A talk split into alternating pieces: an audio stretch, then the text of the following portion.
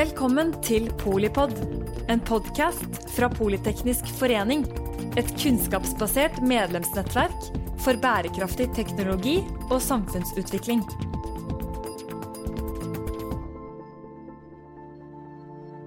Velkommen til podkasten til Polipod, hvor jeg, Terje Strøm, eh, sjeføkonom i Ny Analyse og medlem av eh, PF Samfunnsøkonomi, eh, tar opp temaer i norsk økonomi og internasjonalt. Og i dag har vi tema krigsøkonomien, eller hvordan det slår inn på Eh, penge- og finanspolitikken. Og jeg har med meg Olav Slettebø fra samfunnsøkonom i eh, SSB og spaltist i Morgenbladet og tidligere økonom i Finansdepartementet. Vi skal jo ta opp litt om dette med er det sånn at Norge er så rike at vi kan eh, både hjelpe Ukraina med oppbygging og at det ikke går på bekostning av å hjelpe de som har problemer med matvarepriser og renteøkninger og så videre i Norge. Og hva da med renten og inflasjonen? Så eh, velkommen, Olav. Tusen takk. Hva er egentlig dine tanker eh, når vi tar det som tema i dag? Nei, jeg leste et innlegg av Steinar Holden i Dagens Næringsliv i dag, hvor han eh, skriver at det er gode grunner for at vi kan gi mer støtte til Ukraina. Og, jeg syns han har noen gode argumenter. Altså, alle har vel fått med seg at vi nå tjener usedvanlig mye penger på olje og gass. Eh, det er ikke det aller viktigste argumentet, men eh, det at vi har råd til å gi mer støtte til Ukraina, er selvfølgelig et poeng. Så, eh, så er det riktig som du sa innledningsvis, at vi har jo våre problemer i Norge også. Så hvis vi skal gi støtte til et annet land, så, burde, så er det mange nordmenn som vil mene at det er rettferdig at vi først tar godt vare på de som sliter hos oss. Mm -hmm. og, men Problemet da er at vi har en ganske stor inflasjon i Norge, og vi er redde for at inflasjonen skal øke mer, og dermed skal Norges Bank sette renta enda mer opp. I hvert fall er regjeringen veldig redd for det. Eh, og så eh, er det mange syn man kan ha på det, men mitt poeng fra sånn faglig ståsted er at jeg tror ikke det er så veldig mye sånn empirisk dekning for å si at hvis vi støtter eh, f.eks. lavtlønnede i Norge noe mer enn vi gjør i dag, nå, en del av de som nå må stelle seg i matkø, f.eks. Ja. Jeg tror ikke det er grunn til å frykte at det vil slå veldig ut på inflasjonen i Norge. Og det bygger jeg bl.a. på analyser gjort på Finansdepartementets og Statistisk sentralbyrås egne makroøkonomiske modeller. Ja, riktig. Så, så hvis, hvis, noen mener noe annet, så vil jeg gjerne se analysen. Men, men, jeg støtter meg her på en analyse som SSB publiserte for et par måneder siden i noe som heter Konjunkturtendensene. Så akkurat det der med inflasjonen syns jeg ikke burde være utslagsgivende for at vi ikke hjelper de som sliter i Norge mer. Så kan det kanskje være andre grunner til at man ikke skal gjøre det, men det blir utenfor rammen av dette her. Og så var det Ukraina, da. Så eh, noen har jo sagt at vi skal gi eh, hele eller store deler av den merprofitten vi nå har fra salg av ja, olje og gass. Ja, det er en form for krigsprofitt. Ikke sant? Noen sier at det er det, og jeg, jeg, vil ikke bruke det ordet, men vi tjener jo Jeg kan jo ikke nekte for at vi tjener ekstremt mye penger i en situasjon hvor veldig mange andre uh, taper mye penger, rett og slett. Uh, så uh, jeg tror, jeg tror ikke det bør være utslagsgivende hvor mye vi får i oljeinntekter til enhver tid, for hvor mye penger vi bruker på andre. Det finnes alltid verdige formål.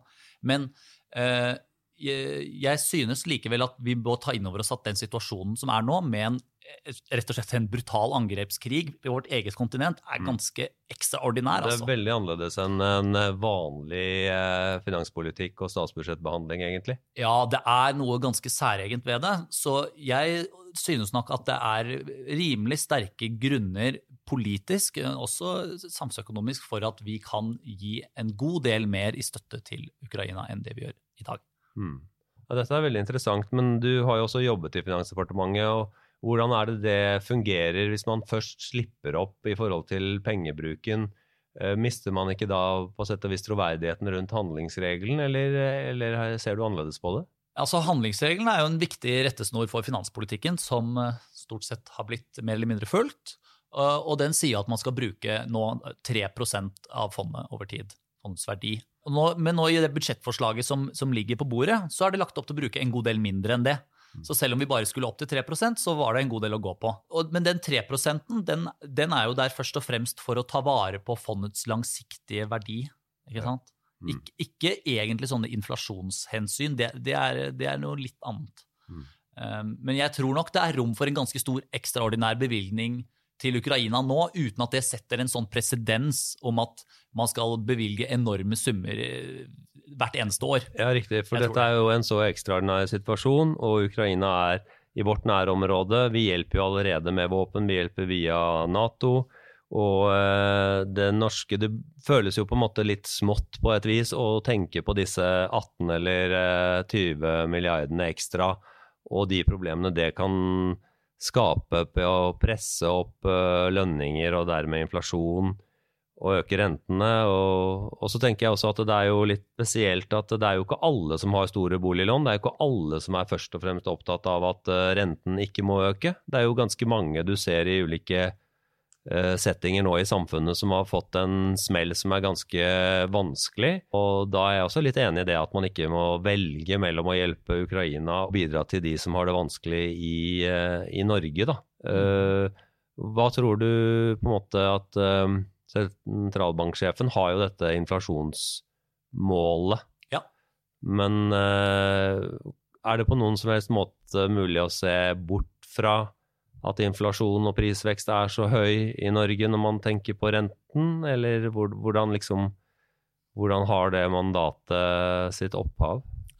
Godt spørsmål. Altså jeg, jeg tror, eh, Nå er jo da rentesetningen delegert til sentralbanken, så de, de styrer liksom det Mm. litt for seg. Ja. Men, men jeg tror ikke nødvendigvis det er så hensiktsmessig at eh, regjeringen skal gjøre det til sitt fremste mål eh, i sin makroøkonomiske politikk å unngå at Norges Bank setter renta opp. Mm. Og, og grunnen til det er, er annet det jeg sa i stad, at jeg tror ikke sammenhengen er så sterk. Rent empirisk så er ikke den så voldsomt sterk. Du kan f.eks. se forrige pengepolitisk rapport.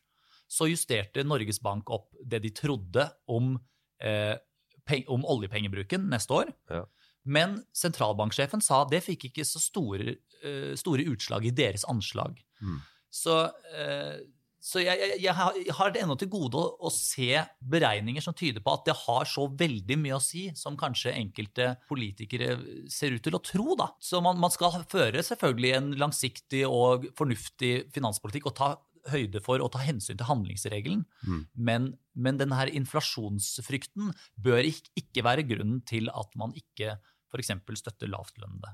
Ja, men dette er uh, veldig spennende. Hvis vi ser på Ukraina, så er det jo noen ting i forhold til hvordan situasjonen er der på en måte nå. En ting er jo det vi leser om i avisene, som er veldig mye på hva eh, krigen og at det er bombing og at det er tøft, og det er vanskelig å forestille seg hvor uh, vanskelig det kan være. Men hva med selve liksom, økonomien? Har du noen formening om det? Ja, altså, Ukraina er i, er i en vanskelig situasjon rent nasjonaløkonomisk. Altså, det er jo ganske åpenbart.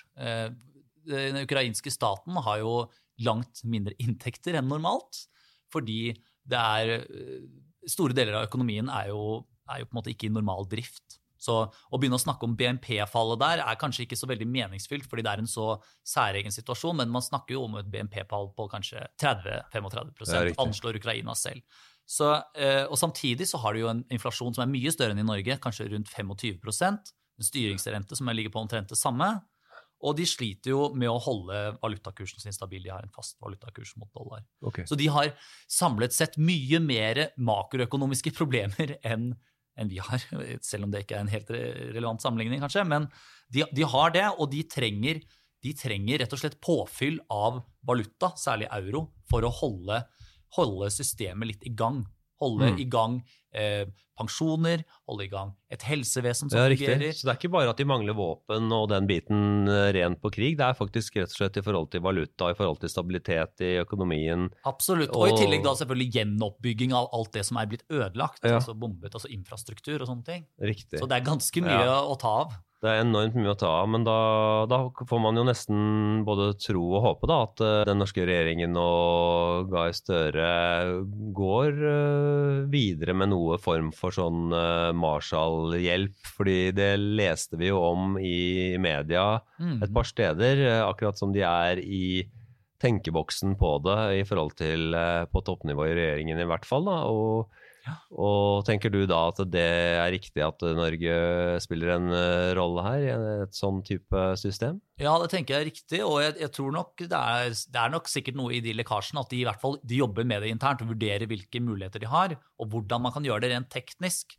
Så f.eks. bør dette skje veldig ryddig sånn rent budsjettfaglig. Det bør skje som en helt synlig overføring. Som man sier, så mye penger overfører vi, ikke noe sånn under streken-greier. Ja, Men det utelukker ikke nødvendigvis at man kan opprette et fond. Man kan godt opprette et fond, men det må bare overføringen til det fondet må skje helt oppe i dagslys, altså ja. over streken. Ja.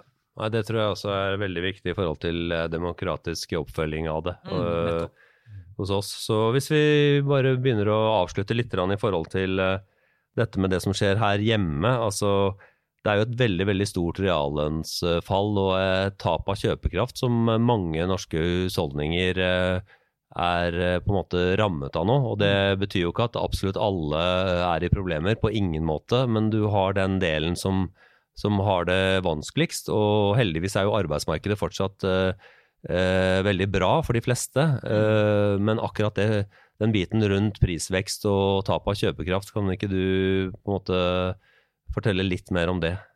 Jo, altså tap av kjøpekraft det kommer jo rett og slett av at prisene stiger en god del mer enn det lønningene gjør foreløpig. Nå fikk vi en nye lønnstall her ganske nylig som viser at lønnsveksten i norsk økonomi har tatt seg litt opp, men vi ligger vel an kanskje til å havne rundt rammen på 3,7 til kanskje 4,1% nominell lønnsvekst, mens prisveksten er mye høyere. Siste observasjon var den på 7,5. Mm. Så eh, hvis ikke noe overraskende skjer, så ligger det an til at det jevnt over blir et, et visst reallønnsfall for nordmenn, og det er vi jo ikke så veldig vant med i nyere tid. Men eh, som du var inne på, så er jo dette veldig ujevnt fordelt. Og typisk så, så peker man på at inflasjonen eh, har en tendens til å ramme de langt nede på rangsti, ikke rangstigen, men uh, lønnsstigen ja, hardest. For de bruker mest penger på det som stiger mye i pris. Matvarer og energi. Det er en større del av deres budsjett.